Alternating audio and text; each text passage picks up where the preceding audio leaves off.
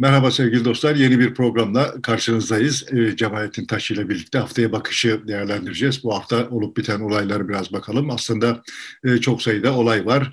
Bir kere kraliçenin ölümü var. İkinci Elizabeth'in 70 yılı aşkın bir dönemdir e, kraliçeydi, görev yaptı ve bir yeri e, artık başkası tarafından, oğlu tarafından dolduruldu. Bu nasıl bir değişikliğe yol açar? Biraz onun üzerinde konuşacağız. E, Cumhurbaşkanı Erdoğan Balkan gezisinde konumunu biraz daha netleştirdi ve Rusya'nın yanında durduğunu göstermiş oldu daha çok Batı'ya karşı, Batı'ya eleştirel bir yaklaşım ortaya koydu enerji politikalarında ve Rusya'nın e, vanayı kapatmasını da olumlu gördü. Bunu biraz değerlendirelim istiyoruz. Arkasından HDP'li bir bakan olur mu tartışmasıyla birlikte İyi Parti, Merkez Parti midir yoksa bir milliyetçi e, parti olarak kalmaya yolunu oradan mı devam edecek tartışması var. Ona gireceğiz. Biraz da Kılıçdaroğlu'nun son e, bir çıkışı var biraz e, kendi partisi içerisindeki unsurlarla hesaplaşmayı ön plana alan bir çıkış. Önüme taş koymayın, önümden çekilin diyen bir çıkış. Onu da biraz değerlendirelim. Tabii uygun bir yerde bulursak da Trabzonspor'un yenilgisi, pardon e, İbrahim şey Abdullah Avcı'nın yenilgisini konuşacağız Avrupa'da. E, ikisi biraz farklı galiba. E, evet, başlayalım istersen. Kraliçe ile başlayalım çünkü 70 yılın e, sonunda öldü. Uzun, e, çok uzun bir süre görev yaptı. Galiba dünyada en uzun görev yapan liderlerden birisi en azından çağdaş dönemde. Galiba bir Fransız imparator var imiş o 72 yıl yapmış. Onun dışında yok. O da 1500-1600 yıllarda galiba tam tarihinden emin değilim ama 4 yaşında tahta çıkmıştı. Yanlış bilmiyorsam. Kraliçeninki bir ekstra ay. Sonuçta e, bu Birleşik Krallığın tarihinde üç ciddi kırılma döneminde üç tane ciddi kadın var. Hani onun üzerinden ve işte bu kraliçenin ölümünün bundan sonraki hangi taşları yeniden oynatabileceği üzerinden çok konuşulacak şey var. Ama galiba onu seninle ayrı bir platformda konuşacağız. Evet. Dolayısıyla hani o teferruata girmek istemiyorum. Buradan girmek istediğim mevzu şu yani. Şimdi kraliçe öldü ve Türkiye'de sosyal medyada şöyle bir tartışma başladı. Yani vay kraliçenin ölümünü niye paylaşıyorsunuz? Kraliçenin ölümüyle birlikte sizin Instagram'da işte bunu niye paylaşıyorsunuz? Vay İngiliz ajanları, yok işte Batı uşakları. Öteki taraftan vay siz kraliçenin ölümüne ses çıkaranlara niye ses çıkarıyorsunuz? İşte Allah'ın Avrasyacıları, çomarları vesaire filan falan gibi. Yani hakikaten memleketin ne kadar çığırından çıkmış, aklının başından gitmiş olduğunu şık bir göstergesi bu hal bu hali konuşabiliriz zannediyorum yani. Evet onu da konuşalım. Burada ama dikkat çeken bir şey de var. E, Cumhurbaşkanı Erdoğan'ın e, taziye açıklaması çok geç geldi. Uzun süre gelmedi. Dünyanın gözü işte liderlerin bu taziye açıklamasına çevrildiği bir sırada mesela kendi sosyal medyasından IŞİD liderinin Türkiye'de yakalandığını e, duyurdu. Nice sonra bir taziye açıklaması geldi. Belki bu e, bu da o tartışmaları ateşlemiş olabilir. E, bir de Abdullah Gül bir tesadüf müdür değil midir? E, İngiltere'de imiş ölümü gerçekleştiğinde kraliçenin.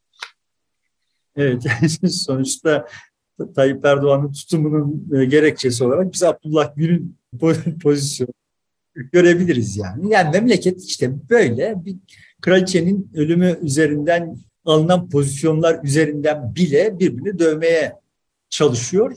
Bu, bu travmatik bir hal yani. bu gidişle normal şartlarda bakınca kraliçenin ölümü İngiltere'de bir travmaya yol açabilir. Yani bir, bu e, Birleşik Krallık'ta ve işte sonuçta kraliçenin kraliçe sayıldığı diğer ülkeler arasındaki ilişkiler Commonwealth üzerinde falan ciddi sarsıntılara yol açabilir diye düşünüyorum. Hani bunlar teferruatını ayrıca konuşuruz da. Ama görünüyor ki e, Britanya'da yol açacağından daha ciddi bir bölünmeye ve travmaya Türkiye'de yol açıyor. Yani bu kadar hastalıklı bir bünyemiz var. Evet. Bunun çok şık bir işareti olarak gördüm. Yani bünyemizin ne kadar hasta olduğunu bir işareti olarak gördüm ve işte bunu kaşıyıp duran birileri var. Bunu şuna bağlayayım. Geçen hafta işte bu Ankara gücü maçında olan olay üzerinden yaptığım yorumların üzerine birisi demiş ki önümde açık olmadığı için adını hatırlamıyorum. Demiş ki sahaya atlayan boş beleş adamı da savunma ya. savunamazsın ya filan gibi bir şey demiş. Savunurum kardeşim. Niye savunamayacağım? Yani benim açımdan birileri boş beleş değil. Senin açından birilerinin boş beleş olması sana çok doğal görünüyor olabilir. Benim açımdan ortada boş boş beleş insan yok yani. Bütün insanlar insan. Hikayeyi çok klasik bir şeyle anlatmaya çalışayım. Oradan da bu Abdullah Avcı'nın şeyine bağlamaya çalışayım. Yani mağlubiyetine bağlamaya çalışayım. Bak kardeşim sonuçta anlatmaya çalıştım. Kendimce kendimi ifade ederken e, e ya, eksik kalıyorum besbelli ama yani kendimi bir daha ifade etmeye çalışayım. Şimdi tablo şöyle bir şey. Ankara gücü o maçı Beşiktaş'la yapmış olmasaydı da diyelim ki bir Avrupa maçı olsaydı. Ankara gücü geçen sene bak bir performans göstermiş ve şimdi bir bu hafta bir Avrupa, Avrupa maçı oynamış olsaydı. O adam, o çocuk, 20 yaşındaki o çocuk sahaya atlayabilecek miydi? Yani sizin elinize bu malzemeyi verecek miydi? Veremeyecekti. Niye veremeyecekti? Ya bu çok defalarca tartışılmış bir şey Türkiye'de. Niye veremeyecekti? Birincisi Ankara Gücü Başkanı o tribünlerde tribünleri kışkırtan adamları kimlerse onları çekip uyaracaktı ve diyecekti ki aman ha bak bir şey çıkarsa bir arıza çıkarsa maçta tribünlerde sonra başımız fena halde belaya girer. UEFA bizi defterimizi dürer diyecekti. İkincisi zaten onlar o tribün kışkırtıcıları, amigolar zaten kafadan kendi kendilerine de bu hesabı yapabileceklerdi.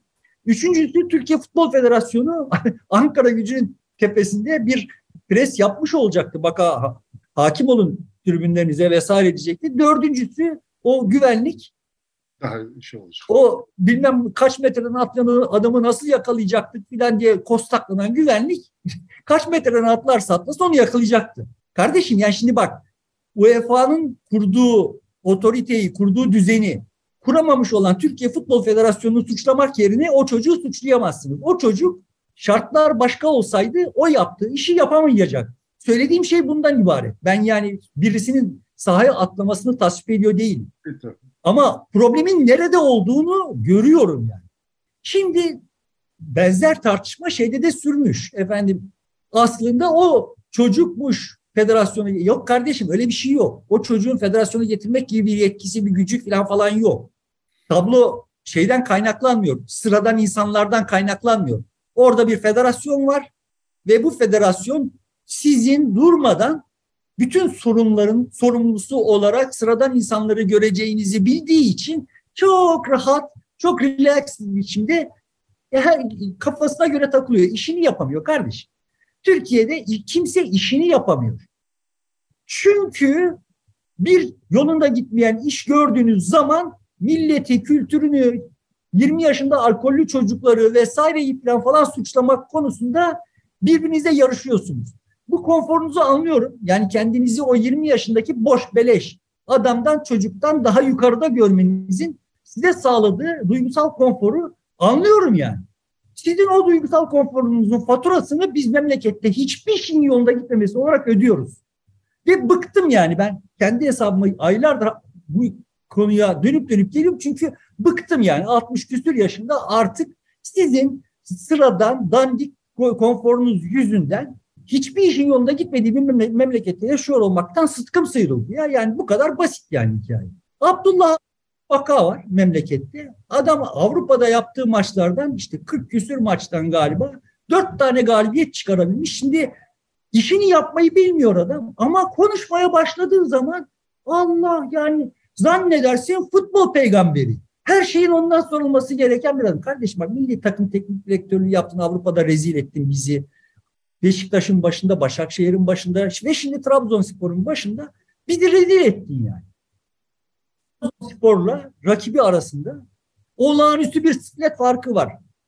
Bilmem şu oyuncu sakatmış da geçen sene şunu e, varmış o gitmiş de filanlarla açıklanabilecek bir rezillik değil bu rezillik yani. Ka- rakibin... Kaldığı anladığım kadarıyla e, rakip takımda 10 kişiyle oynamış uzun süre. 1-0 mağlupken Trabzonspor rakip 10 kişi kalıyor 15. dakikada. Oradan sonra 2 gol yiyor. Oradan maçı 3-2'ye getiriyor. Yani hakem de böyle hani biraz ev sahibi takımı kayıran, ev sahibi e, şeylerin etkisi altında kalan bir hakem olsa rezillik büyüyecek yani. Şimdi buradan ama kostaklanmalar falan. Bak kardeşim işini beceremeyen Abdullah Avcı gibi bir adamın futbol dahisi sayıldığı bir ülkede yaşıyoruz biz.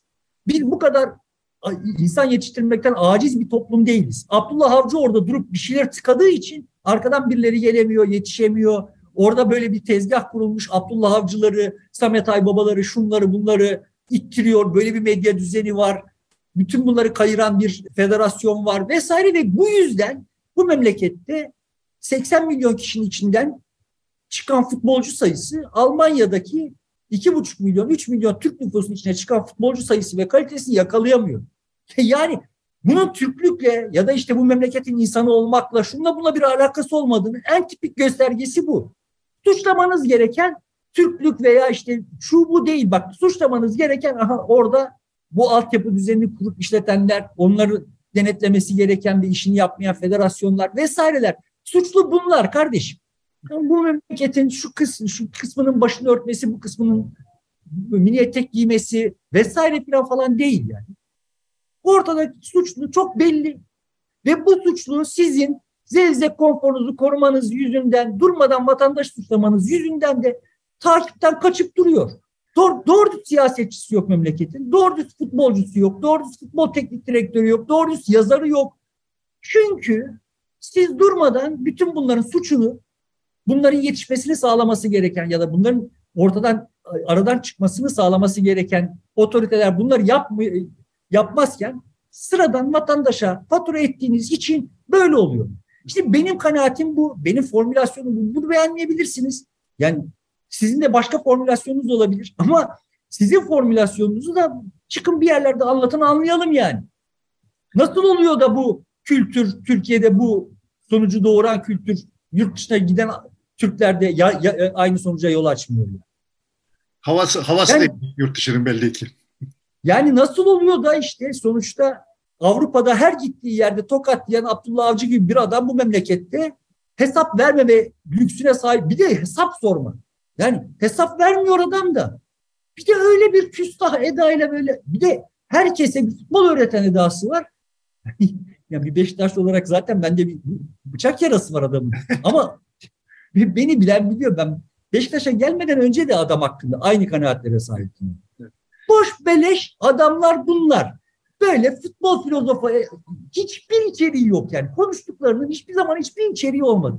Ama böyle işte beyaz Türklerin de takdir edeceği edalarla işte o kasketler filanlar böyle işte. Ama Makyaj, tamam. te- teknolojiyi çok iyi kullanıyor, datalara önem veriyor. İşte bir futbolcu ne kadar koştuğunu, ne kadar şut çektiğini bilgisayarla izliyor filan gibi laflar da ediliyordu hakkında. Makyaj, makyaj tamam yani. Böyle işte hani çünkü Türkiye'deki genel kanaat bak kardeşim tamam bak şunları yaparsan şu sonuç doğacak diye bakılıyor ya. Şimdi bütün bunları yaptık sonuç doğmazsa değil. Deme diyecek altyapıyı kurdu adam. Çünkü uyanık adam. Çünkü bu çok bilmişler. Kabahatin nerede olduğunu ve işlerin nasıl yoluna gideceğini biliyorlar. İşte hani bu son videonun altında güzelce o bize o soruyu soran açıklamış ya. Yani şimdi kendisi IT teknolojisinde e, nereye baz istasyonu kurulacağına merkezden karar verilmeyen bir sektörde çalışırken ama orada her bunu merkezde kararlaştıralım demiyor. Evet kendisi de teslim etmiş yani. O çok da takdir ettim. Çok da te- müteşekkir kaldım. Ama soğan konusunda devlet belirlesin diyor. Şimdi bilmediği alanda herkes Başkası. böyle ha böyle şıkır şıkır denklemleri kuruyor. Bilmiyor nasılsa birisi kurmuş. O da şık gelmiş. Aydınlanma aklına şık gelmiş. O bunu tekrarlıyor ve kendisine Abdullah Avcı'nın kendisine edindiği gibi bir saltanat ediniyor, bir pozisyon ediniyor. Bu da sürsün diye istiyor. Bak bu sürmeyecek kardeşim. Sürecek olsa canımız canın fedaya dükkan sizin ya. Sürmeyecek. Ama, ama sür, sür, sürmeyecek diyorsun da e, Abdullah Avcı bu mağlubiyetten sonra 3 yıllık sözleşmesini yeniledi. imza attı. Taltif edildi yani. Sonra kovulacak. O tazminatı alacak. Orada, bu alantıları bu networkler aracılığıyla gidecek başka bir yerde iş bulacak. Oradan da böyle şeyi alacak, kontrat alacak. Çünkü yani bu her durumda vatandaşı suçlamaya adet haline getirmiş olanlar bu düzenin devamını sağlıyorlar. E, tablo bu yani. Kendi yaptıklarının sonuçları hakkında zerre kadar fikir sahibi değiller. Herhangi bir şey öğrenmeye de çalışmıyorlar. Durmadan ama işte o vatandaş orada sahaya atladığı için federasyon böyle değil kardeşim. Federasyon AKP iktidara gelmeden önce de böyleydi. Tamam yani sonuçta bu iş böyle AKP'liler geldiler, liyakatsiz adamlar falan, İmam Hatip mezunları, şunlar gel olmadı. Öyle değil yani. Federasyon hep böyleydi. Arada bir tane adam gibi, belki iki tane adam gibi federasyon başkanı çıktı. Zaten öyle bir tanesi AKP zamanında da çıktı. Ama o adam gibi çıkan bile sonuçta aslında diğerleriyle mukayese ettiğimiz zaman adam gibi yani. Yoksa hani memlekette böyle hakikaten de futbol işleri yolunda gitsin falan diye uğraşan ve işte bu konuda da bir meziyet olan birileri gelmedi kardeşim. Bu kadar insansız değiliz biz yani. Ama ortada böyle işte her şeyi kontrol eden bir çeteler ağı var, bir network var ve bunlar biz sömürüyorlar. Bunlara yönelmiyoruz. Bunlara bunun adı devlet yani. sonuçta öyle veya böyle devlet. Bununla uğraş veya sonuçta böyle bir örgütlenmeyle uğraşmıyoruz. Bu örgütlenmeyi ya itiraz etmemiz gerekirken bununla uğraşmıyoruz. Çünkü herkesin kafasının arkasında şu var. Orayı biz ele geçirirsek malı biz götüreceğiz. Yani orayı biz ele geçirirsek bu sefer işte ilahi okuyanları, fasılları yasaklayacağız. Bizim şenlikleri serbest bırakacağız. Plan var yani. Anlatabiliyor muyum? Tablo böyle bir şey yani. Ve düzen bu kafalarla böyle devam edecek gibi görünüyor. Evet biz biraz daha real siyasete geçelim. evet kraliçeden Abdullah Avcı hızlı geçtim yani bak. Evet. Doğru. Evet er-, Erdoğan'ın açıklamaları e, gerçekten dikkat çekti. Daha Türkiye'den havaalanından giderken enerji kıyaslaması yaptı. İşte e, Batı bu kadar üzerine giderse tabii e, Rusya'da bu tedbiri almak mecburiyetindeydi. O da aldı dedi. Yani eskiden hani bir denge politikası gidiyordu Batı ile Rusya arasında, Ukrayna ile Rusya arasında ama şimdi e, tamamen e, Rusya ile yan yana olmaktan çekinmedi açıklamalarıyla yaptığında ve buna cevap da geldi. Hemen işte Kremlin sözcüsü dedi ki biz Türkiye ile siyasi ve ekonomik olarak çok ayrıcalıklı bir ilişki sürdürüyoruz. Arkasından Putin de teşekkür etti. E, Erdoğan yeniden Putin'e destek vermiş oldu filan. Böyle karşılıklı gitmiş oldu. Yani görüntü Türkiye Batı'nın karşısında aslında Rusya'nın yanında yer almış gibi bir izlenim uyandırdı.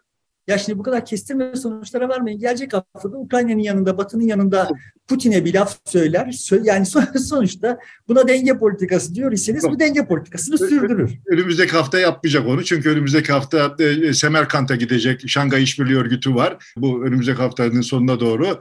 Ondan sonra Birleşmiş Milletler'e gidecek. Orada Birleşmiş Milletler'de evet Putin aleyhine konuşabilir. Ya sonuçta kraliçenin cenazesine de gider bir ihtimal. Orada da yani ne kadar batılı olduğunu gösterir. Yani, yani sonuçta buna denge politikası diyor iseniz yani evet bunun, bunun bir, bir roundu geçti yani.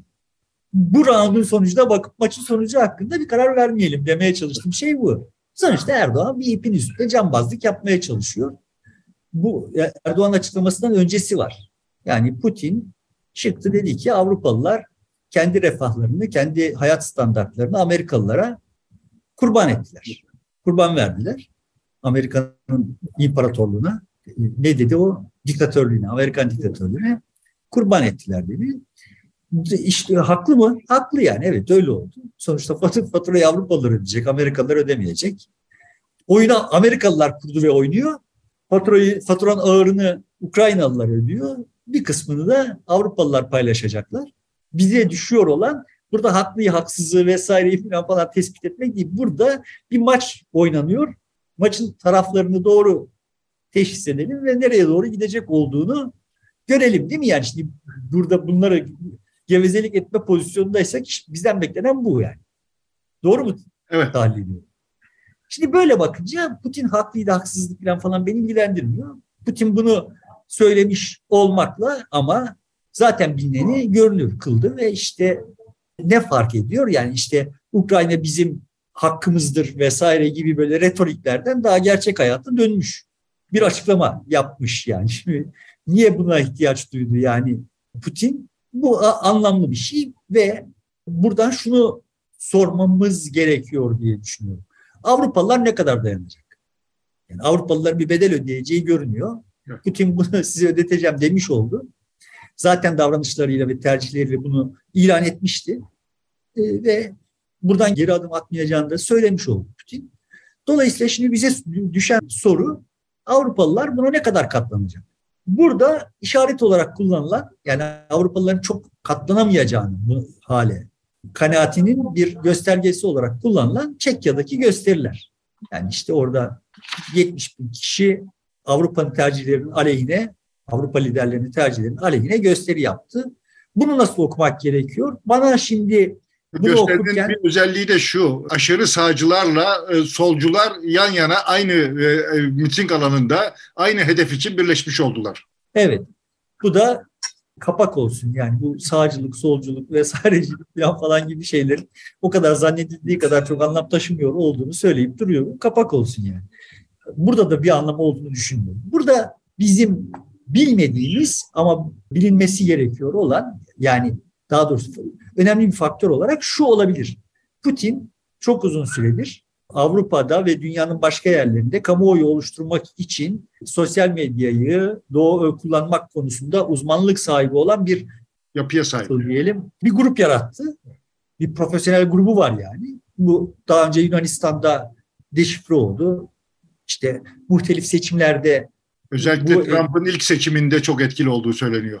Yani işte tamam orayı çok dedikodu olarak görelim ve işte hani Amerikalı demokratların hedef çarpıtması olarak görüyorum ama Avrupa'daki birçok seçime müdahil olduğu, Brexit'te dahil olmak üzere müdahil olduğuna dair nispi olarak güvenilir deliller var. Ama ben başka şeylere de yaslanarak Putin'in elinde böyle bir güç olduğunu, Putin'in böyle bir güç yaratmış olduğunu buna zaten çoktan varmış dedim. Bunu da bir yerlerde yazdım çizdim de yani. Kendi blogumda değil de başka yerlerde yazdım çizdim de. Sonuçta onun ne kadar etkili olduğunu bilmiyorum. Bu Çekya'daki hadisede onun ne kadar etkili olduğunu bilmiyorum. Eğer o da oyuna dahil olduğu halde Çekya'da 70 bin kişi toplanabilmişse bana öyle geliyor ki yani bu zayıf bir reaksiyon. Yani Avrupalıların o kadar da kırılgan olmadığının bir göstergesi. Başka yerde de böyle bir gösteri yok. Evet yani böyle ses getirecek, bizim midemizi bulandıracak tarzdan bir domino etkisi yaratmadı yani. Dolayısıyla eğer burada Putin bir oyun oynamaya kalkmış ise bu oyundan zararlı çıkmış gibi görünüyor. Ya da yani bir, bir kazanç elde edememiş gibi görünüyor. Net toplamda bakacak olursak hadiseye zaten Putin Putin kazanır kaybeder tartışmalar olup Putin kaybetti kardeşim. Yani şimdi Putin son tahlilde bu olay başladığında 6 ay önce tıpkı Birleşik Devletler'in Irak'a müdahalesinde olduğu gibi işte 24 saatte Kiev düşer yok 48 saatte düşer noktasından başladık ve 6. ayın sonunda bir tarumar olmuş Ukrayna ama bir pata durumu var. Tam tersi son bir haftada işte bin kilometre karenin üzerinde yeri geri aldı. Cumartesi sabahı da yeni bir köyü geri aldı Ukraynalılar. Yani şimdi tabii böyle hani ma- maçtaki bilmem hangi serbest atış kazanmak falan bunları çok önemsemiyorum. Ama genel kanaat olarak dünya kamuoyunda Rusya bir süper güç algısını tamamen kaybetti. Yani biz hani seninle hatırlarsın o tarihlerde konuşurken Çin'in stepnesi olmak Rusya'nın Çin'e sindirebileceği bir şey değildir falan falan diyordu. Şimdi Çin'in stepnesi bile olmak statüsünü kaybetti. Evet. Yani dolayısıyla Putin kaybetti. keman olamaz deniyordu. Şimdi e, bırak ikinci kemanlı, üçüncü, dördüncü keman olmaya bile razıymış görüntüsü var. Evet yani sonuçta Putin kaybetti. Bu iyidir, kötüdür bunları bahsi ayrıca konuşuruz yani. Ama realite dünya kamuoyunda muhtemelen Rusya'nın içinde de Rusya çok ciddi bir e, siklet kaybına uğradı. Zaten uğradı ya. Ha bunu söyleyince vay Amerikan uşağı, Amerikan bilmem nesi falan falan olmuyor mu? Yani sonuçta buradan Amerika'da bariz görünüyor ki Avrupa'da yani bariz görünüyor, görmüyorum ama tahmin ediyorum ki Avrupa'da ya kardeşim biz bu Amerika'nın e, oyunun faturasını niye ödüyoruz duygusu mayalı Dolayısıyla Amerika da kaybediyor yani. Ve bunu yönetebilecek bir akıl da görünmüyor Amerika'da. Çünkü evet yani şimdi o böyle e, bizim aydınlanmacılarımız gibi aydınlanmacı akılla bu salak Amerikan demokratları tamam sonucu elde ettik mi elde ettik. O halde gidiş yoluna bakmaya gerek yok gibi böyle bir edaları var yani. Tamam mı? Sonuçta bu kafa ile o, o gidiş yolunun ne kadar fark ettiğini öğrendiklerinde iş bitmiş olacak. Dolayısıyla bariz görünüyor ki Amerika'da ciddi bir siklet kaybına uğruyor. Yani bu Amerikan projesi ne idiyse o proje hayatiyetini kaybediyor, enerjisini kaybediyor vesaire. Sonuçta buradan iki tarafta kayıpta çıkacak. Avrupa'da benim tahminime göre yani bütün bu hikayenin yani iki tarafta kaybedince Avrupa son dönemde yani bu küreselleşme akıntısı içinde kaybettiği iktisadi ve politik gücü tahkim edebilir. Eski haline gelemez ama bir ölçüde tahkim edebilir diye düşünüyordum. Görünen ki Avrupa'da Amerika ile beraber gidecek. Ya benim açımdan bu bütün bu hadisenin tek şaşırdığım, beklentilerime uymayan tarafı Avrupa'nın burada bir kabiliyet sergileyememesi oldu. Ben Avrupa'nın bu kadar kayba uğrayacağını tahmin etmiyordum ama Amerika sahiden de Avrupa'yı kurban etti. Şimdi bunun üzerine Erdoğan'ın söylediği lafa gelecek olursak işte Rusya'yı hafife almayın falan gibi laflar yani daha önce lafını ettiği o Yunanistan'a kostaklanırken adaları işgal etmeniz bizi bağlamaz lafı mesela ne manaya geliyor? Yani, ya so sokak çocuğu ağzıyla böyle nereye çeksen uzayacak laflar ediyor falan ama ya bu kadar inceliksiz, Orada tabii biraz da bir şey yanlışı da var galiba sonradan konuyu bilenlerin değerlendirmesinde ortaya çıkan bir adaların silahlandırılması var. Bu silahlandırılmaması gereken adalar. Ona tepkisi var Türkiye'nin ama şimdi Yunanistan'ın yaptığı 19 kayacık, adacık denen hayatın olmadığı yerlerde insan yaşayabiliri kanıtlamaya çalışıyorlar. E, bunu yaptığı zaman da oraların kıta sahası olacak. Türkiye buna itiraz ediyor. Eğer oralarda bir e, şey olursa, bir canlılık hayat canlılığı olacak olursa oraya müdahale edeceğiz. Tıpkı karda e, müdahale ettiğimiz gibi. Esas Türkiye ile Yunanistan arasındaki mücadelenin yeni daha ismi bile bilinmeyen 19 ada üzerinden yürüdüğünü ifade ediyorlar. Diğerleri hariç hava sahasıydı, adaları silahlandırılması gibi şeyler. Ne güzel açıkladın. Sorun şu, bu adalar işgal edilirken kardeşim bak orada adalar işgal ediliyor diye feveran edenler vardı. Ve bize böyle ne diyorsunuz ya siz bizi işte Yunanistan'la dövüştürmeye çalışıyorsunuz ama işte bu oyunu yemeyiz filan diye kostaklananlar şimdi bu lafı ediyorlar. Bu adaların şimdi senin sözünü ettiğin o 19 veya işte kimlerine göre daha çok olan ada cık, kayacık vesaire bugün işgal edilmedi yani. AKP zamanında işgal edildi ve o zaman onlar işgal edilirken bunlara laf söylendi. Ama şimdi laf öyle bir laf ki adaların işgali dediğin zaman kimi de şunu çıkartıyor yani. Ta Birinci Dünya Savaşı sırasında bazı adaların elden çıkması, adalar derken o kastediliyor. Yani şimdi böyle nereye çekersen uzayacak laflar ediyor zat halileri. Bu kadar da çaresiz durumda. Yani adaların evet bu kayacıklar var. Evet hukuken uygun olmayan bir biçimde zaten Yunan adası olan adaların silahlandırılması var. Ve işte bir de böyle fi tarihinde adaların kaybedilmiş olması hikayesi var. Şimdi bütün bunlar bir şeye adaların adaları zapt etmiş olmanız bizi bağlamaz. Yani şimdi bağladı. Sonuçta bizi bağlamaz ne demek yani? Bağladı seni işte. Hep bizi bağlıyor. Yani, yani burada da şimdi Rusya'yı e, hafife almayın. Kim Rusya'yı hafife alıyor yani? Rusya'yı hafife almak ne demek? Vesaire. Şimdi böyle senin başta açarken söylediğin gibi efendim Rusya'nın da teşekkürünü almak için gereken bir lafı etmiş olmak dışında bir hükmü yok benim açımdan Erdoğan ettiği lafın. Ama savaşın gidişatı ve akıbetin önemli olduğunu düşünüyorum. Cumhurbaşkanı Erdoğan dönüşünde gazetecilerle yaptığı görüşmelerde bir, bir açıklamada bulundu. Orada diyor ki ee, Avrupa zor durumda. Bu sene zor kışı geçirecekler. Dolayısıyla oradaki firmalar üretim yapamıyorlar. Onların bir kısmı Türkiye'ye gelmek istiyorlar. Ee, Türkiye'de üretim yapmayı planlıyorlar. Ben ve arkadaşlarım bu konuyu görüşüyoruz. Onun dışında da işte kendisini güvende hissetmeyen sermaye grupları var yurt dışında, çeşitli ülkelerde. Onlar da paralarını getirip Türkiye'de park edecekler diye bir değerlendirmede bulundu. Yani buradan anlıyoruz ki e, Batı'nın üretim e, merkezi olmak Çin'in yerine gibi yönünde bir arayış var. E, bir de temaslar olduğunu görüyoruz Cumhurbaşkanı bu sözünden. O da 20 milyar dolar gibi bir mertebede bir rakamdan söz etti. Son tahlilde bu Covid krizi, Covid hadisesi üzerine konuşurken de defalarca konuştuk, söyledik. Birçok başka kişi de söyledi. Yani sonuçta Covid öncesi dünya, Covid sonrası dünyadan, Covid sonrası dünya, Covid öncesi dünyadan çok farklı olacak bu getirdiği bir şeyler meselesi değil. Yani dünyada zaten ölmüşte olan bir sistem vardı. Bu sistemin bir, bir rehabilitasyonu, ya, o bile yanlış bir tabir. Yani yeni bir yeni bir şeyin kurulması gerekiyor ve bu kurulacak olan yeni şey de Türkiye'nin kendisine yeni bir yer açması zaten mümkündü. ihtimal dahiliydi. Yani Türkiye'de böyle çok bizim de yeri geldiğinde biraz haksızca belki de yargıladığımız 100 yıllık, 150 yıllık neyse o birikim sırasında yani sıradan insanlarda ortaya çıkmış olan hasılat diyelim Türkiye'yi bu yeni oyunda daha makul bir yere taşıyabilecek gibi görünüyor idi. Ama oyunu hep böyle işte batıydı, doğuydu, işte e, muhafazakarlıktı, liberallikti, milliyetçiliklerde üzerinden okuyor olduğumuz için bunların çoğunu görmezden geliyor yani.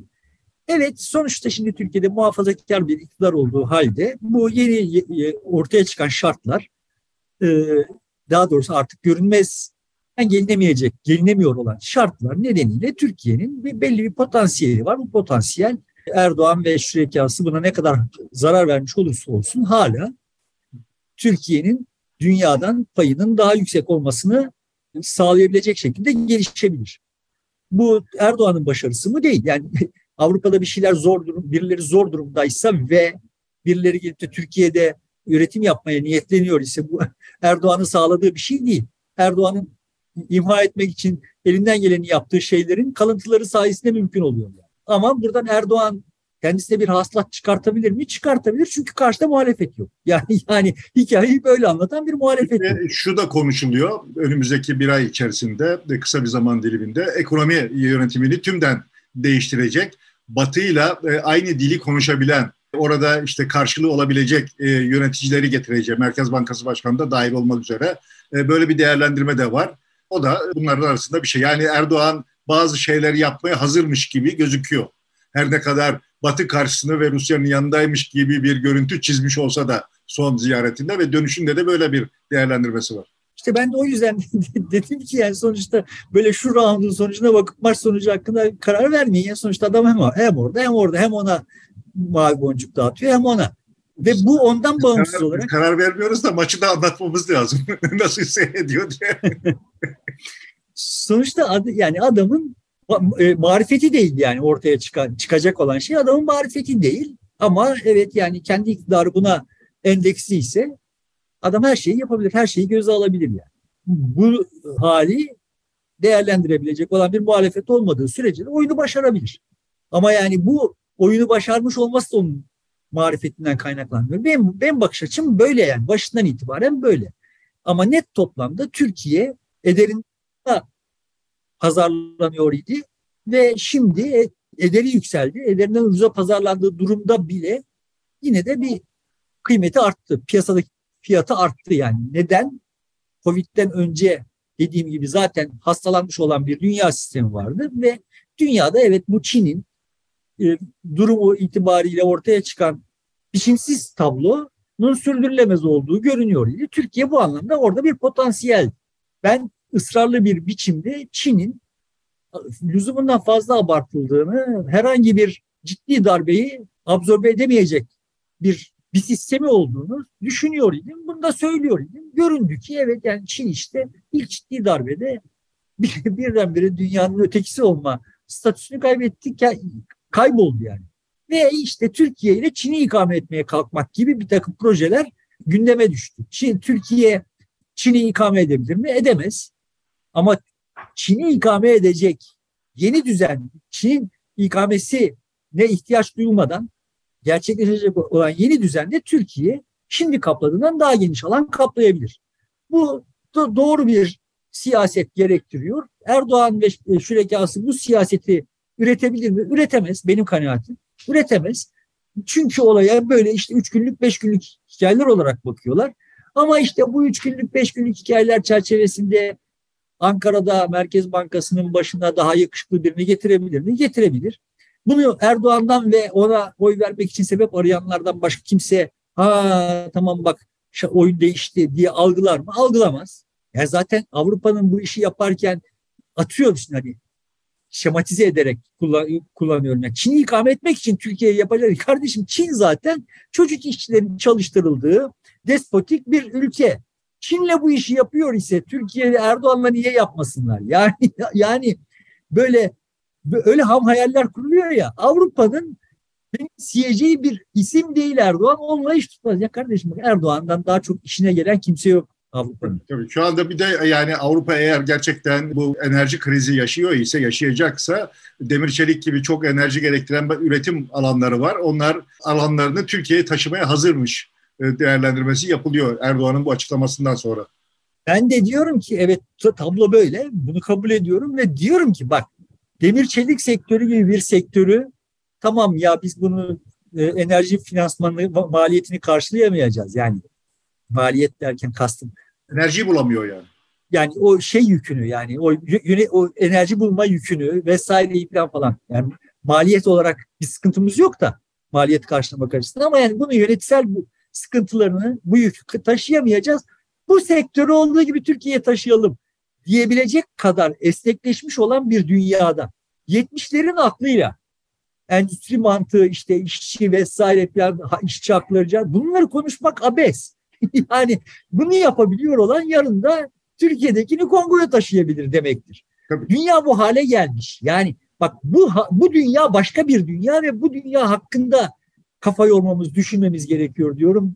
Benim derdim bu. Orada birisi çıkıyor bilmiş bilmiş diyor ki Erdoğan Avrupa'nın işine gelmez çünkü Avrupa'nın değerleri ne değerleri kardeşim ya? Neyin değeri? Bak Mesela Avrupa benzer şeyi e, Cezayir'de, Tunus'ta da yapabilir. Orada mesela enerji problemi yok, yakın. E, orada da ürettirip alabilir. Neden orada yapmıyor da şimdi Türkiye'de yapıyor? Çünkü Türkiye'de yetişmiş iş gücü evet. orla, oralara kıyasla daha e, çok ve daha ucuz. Yani Erdoğan'ın ve şürekasının yapmadığı bir kıymet, aksine çürüttüğü bir kıymet var Türkiye'de. Cezayir'de olmayan ya, e, ya da işte Polonya'da olmayan vesaire bir kıymet var Türkiye'de. Bu kıymet nerede yani? Sıradan insanlarda. Yani sıradan insanlar çocuklarını okutmak için e, saçlarını süpürge etmişler, şu olmuş, bu olmuş vesaire ve işte orada bir şey birikmiş. Görmüyorsunuz. Bunun çetelesi tutulamıyor. Orada konuşamıyor o özne. O özne konuşamadığı için onu gündem e, yapamıyoruz vesaire. Dolayısıyla şimdi ona sövüp sayıyoruz. Ama Avrupalılar şimdi demir çelik sektörünü veya bilmem neyi tamam hadi taşıyalım bakalım dedikleri zaman ilk akla gelen yer Türkiye oluyor.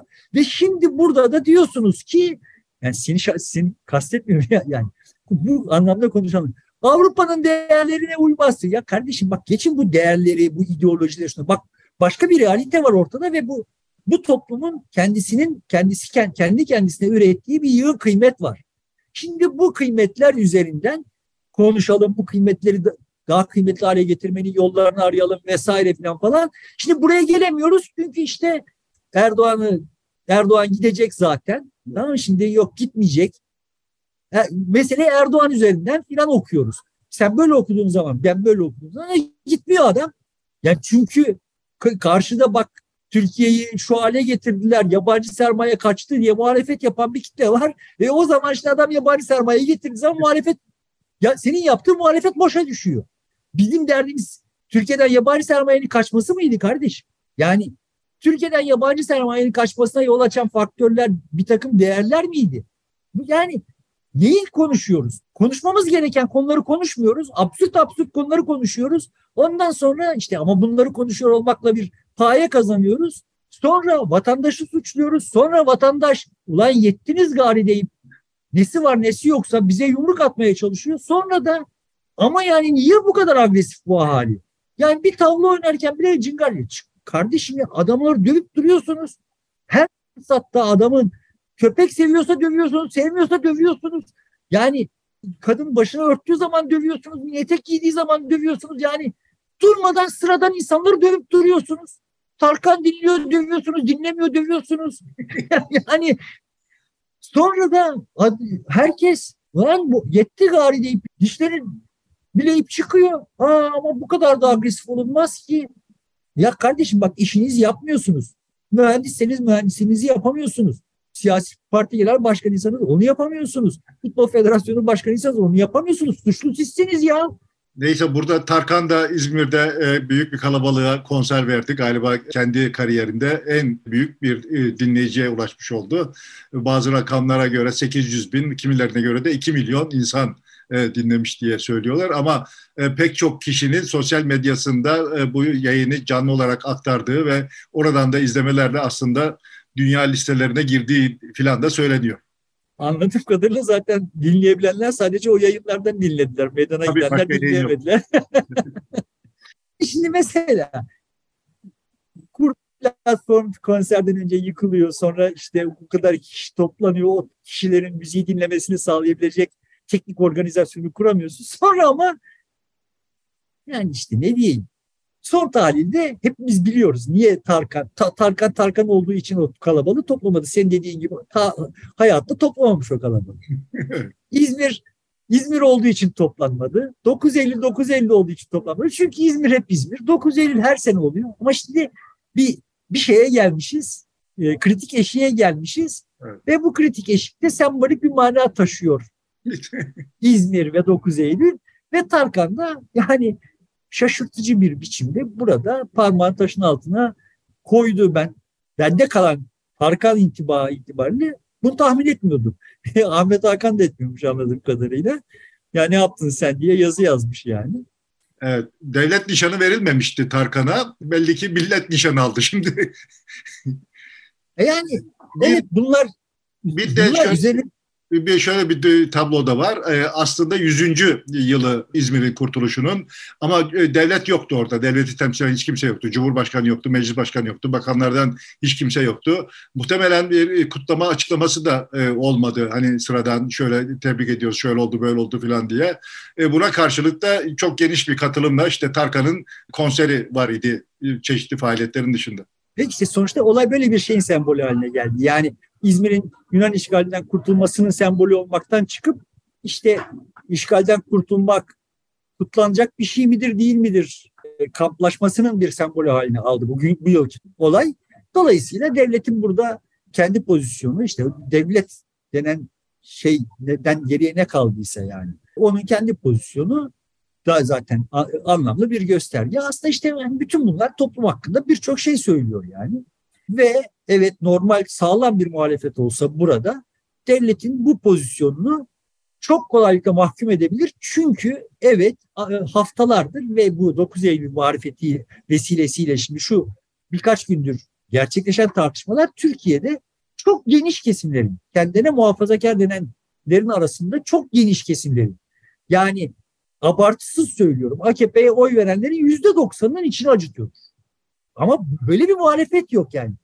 AKP'ye oy verenleri dövmek üzere kurgulanan bir şey var burada. Yani Tunç Soyer'in konuşması vesaire falan öyle kurgulanmış. Ya sen şimdi buradan Osmanlı'yı niye dövmeye kalkıyorsun? Yani ama bunlar Osmanlıcılık yapınca bunları dövmek için Osmanlı'yı döv. Yani sonra da ortaya böyle kafası karışmış.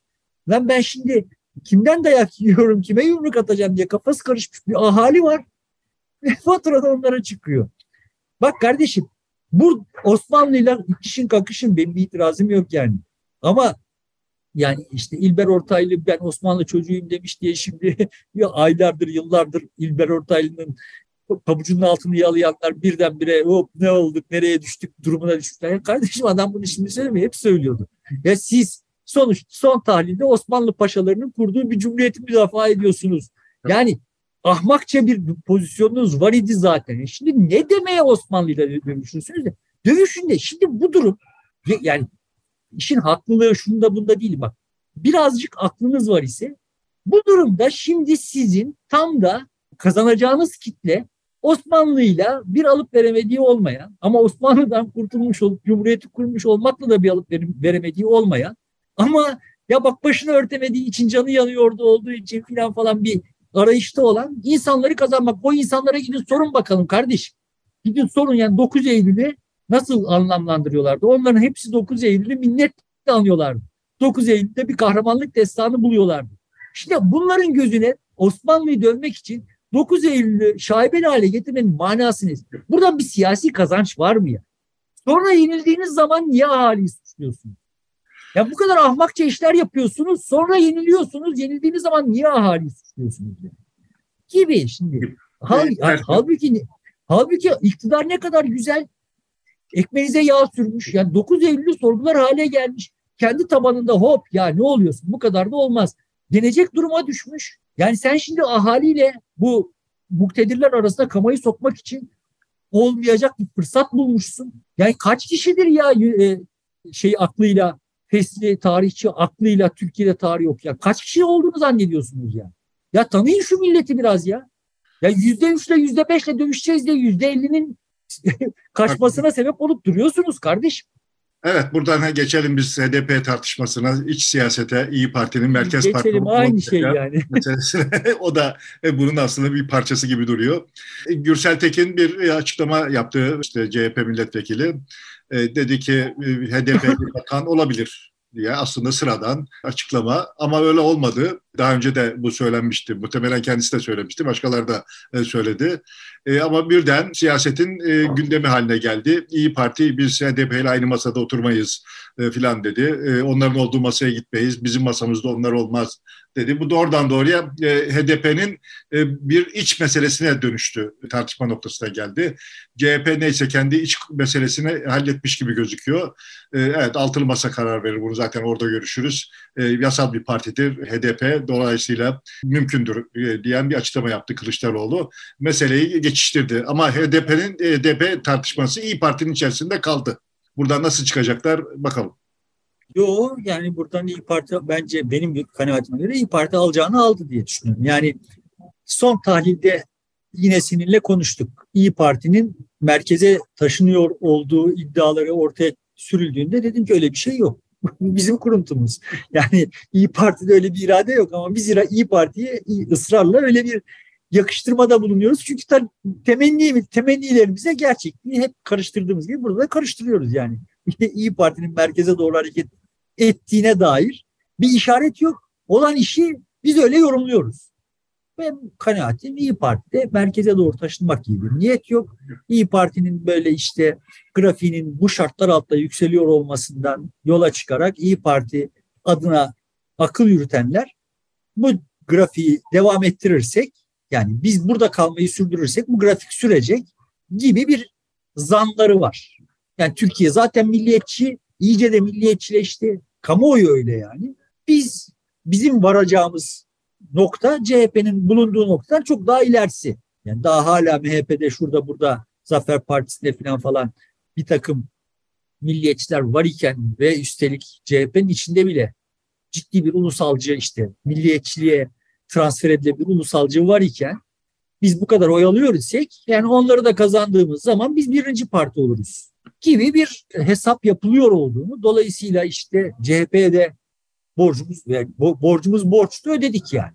Yani biz evet bizim seçime katılmamız için bir fedakarlıkta bulundu CHP ama biz de bunu mahalli seçimlerde ödedik. Dolayısıyla şimdi al, alacak verecek hesabı da kalmadı. Biz şimdi kendi başımızın çaresine bakmamız gerekiyor. Çünkü biz CHP'den büyüğüz. Yani potansiyelimiz itibariyle bizim potansiyelimiz CHP'nin potansiyelinden büyük. CHP bize pranga oluyor. Aklının yürütülmüş, yürütülüyor olduğunu düşünüyorum. İyi Parti'nin içinde. Daha doğrusu şeyi biliyorum yani. Bu aklı yürütenler var idi. Momentumu bunların ele geçirmiş olduğunu düşünüyorum ya bir dakika bu kadar da iyimser olmasak mı acaba? Hani biraz daha tedbirli mi, tem, temkinli mi davransak diyenlerin momentumu kaybettiğini düşünüyorum İyi Parti'nin içinde. Dolayısıyla bu hesaplaşma yani İyi Parti'nin bunu böyle fırsat olarak görmesi vesaire benim açımdan çok anlaşılmaz değil. İyi Parti'yi CHP'den uzaklaştırmak için bir şey mesela Yozgat İl Başkanı istifa etti İyi Parti'nin e, bir asker kökenli subaymış e, il başkanlığı yapıyor e, bu tartışmadan dolayı siz e, HDP ile yan yana getiriyorsunuz partiyi deyip istifa etti. E, bu yani, bir, Akşener ya da parti yok öyle bir şey. Biz onu görevden almıştık başka sebeple diye açıklama yaptı anladığım kadarıyla. Yani o da burada bir, kendi şeyine bir prim yapmaya çalışıyor anladığım. Çünkü böyle, böyle olunca işte fırsatçılar çıkar. çıkar yani.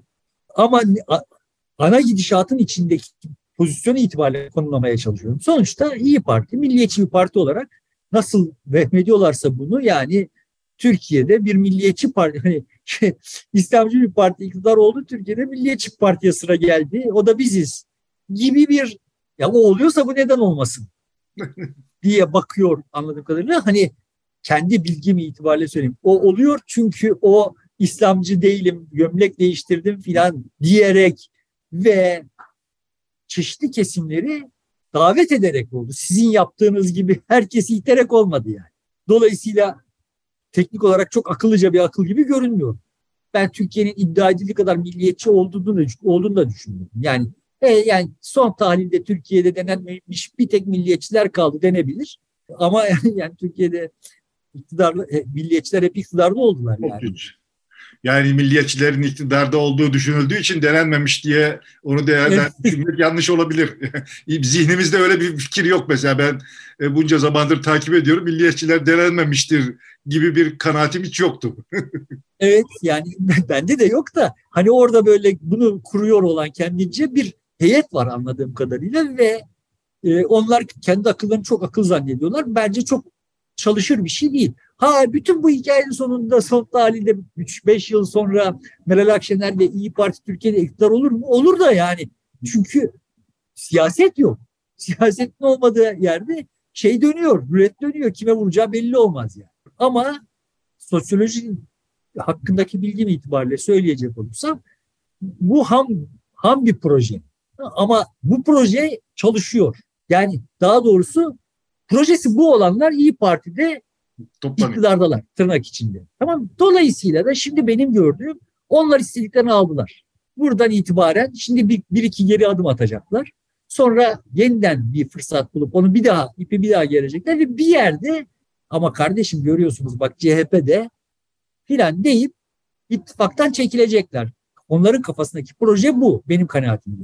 Akşener'in projesinin ne olduğu hakkında çok yani Akşener'in burada ne nasıl taraf tutmak hakkında elimde bir malumat yok bilemem.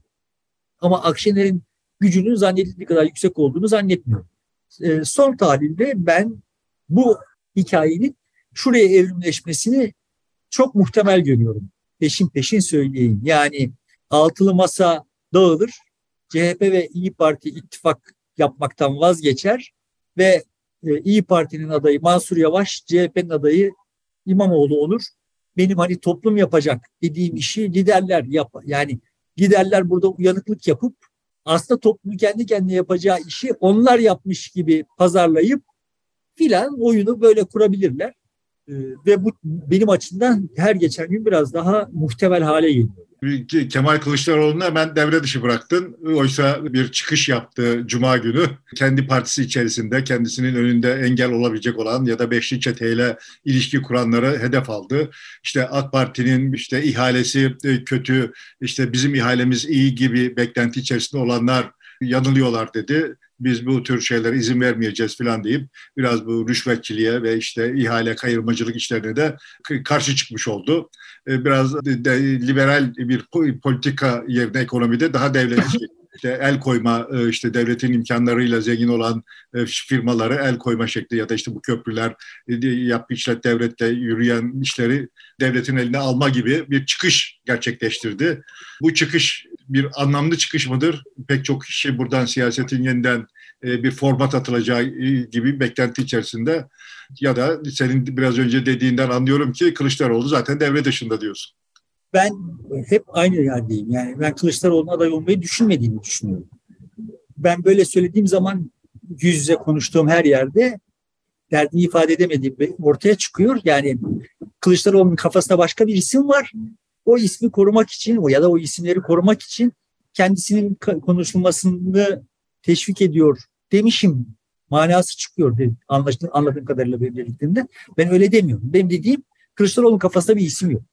Çünkü Kılıçdaroğlu başka hiçbir şey bilmiyor ise bile şunu biliyor ki adayı açıklamak zorunda kaldığı tarihe kadar açıklamayı kafasında netleştirme şansı yok. Dolayısıyla bu süreci adayın kim kardeşim sorusuna muhatap olmadan geçirebilmek için çok kestirme bir fırsat oldu kendi adaylığını tartışması, tartışılması. Ama adaylığının bu kadar ciddiye alınarak tartışılması yeri geldiğinde tornistan etmesini zorlaştırabilir. O, orada da bir tornistan etmenin yolunu bulur. Bulacağını düşünüyordur diye düşünüyorum. Tekrar bir parantez içinde bir, bir daha söylemiş olayım. Yani her halükarda eğer Erdoğan'ın kazanması gerekiyor ise bu seçimi Kılıçdaroğlu'nun aday olması zorlanabilir. Kılıçdaroğlu'nun aday olması aday olman gerekiyor denebilir. Onu bilemem. Ama ana hatları itibariyle şimdiki durumda Kılıçdaroğlu'nun aday olmayı düşünmediğini düşünüyorum. Temel varsayımım bu.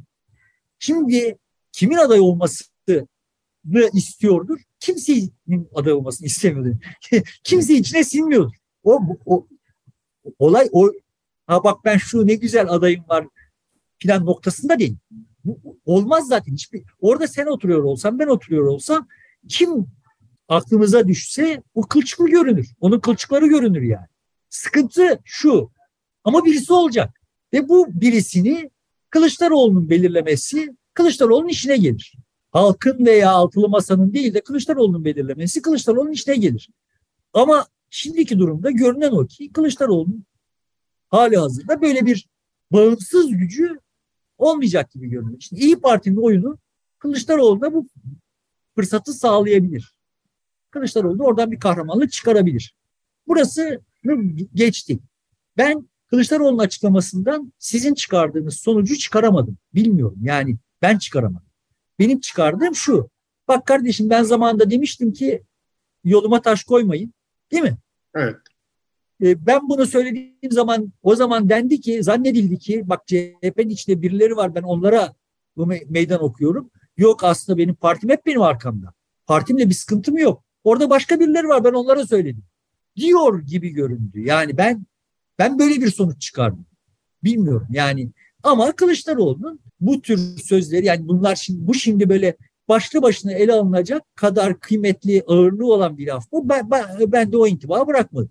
Yani işte periyodik olarak arka arkaya dizdiği, tespih tanesi gibi dizdiği bir de buradan bir de buradan işte ekonomide işte devletçilik bu prim yapıyor. Zaten tarım konusunda da bir şeyler söylemişti. Şimdi bunların bunlar prim yapıyor. Bu prim yapan konuların her birisinden bir tutamalıyım edası hissediyorum. Bir planı, bir stratejisi, bir hikayesi yok.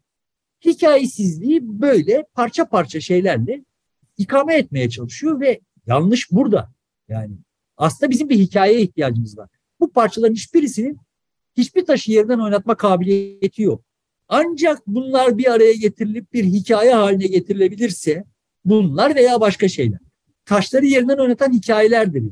Yani yağmur damlaları kendi başlarına bir iş yapmazlar. Yatakta birikir, akarlar ve taşı önüne sürükleyip götürürler. Şimdi bunları o akarsu yatağını yapmak gerekiyor.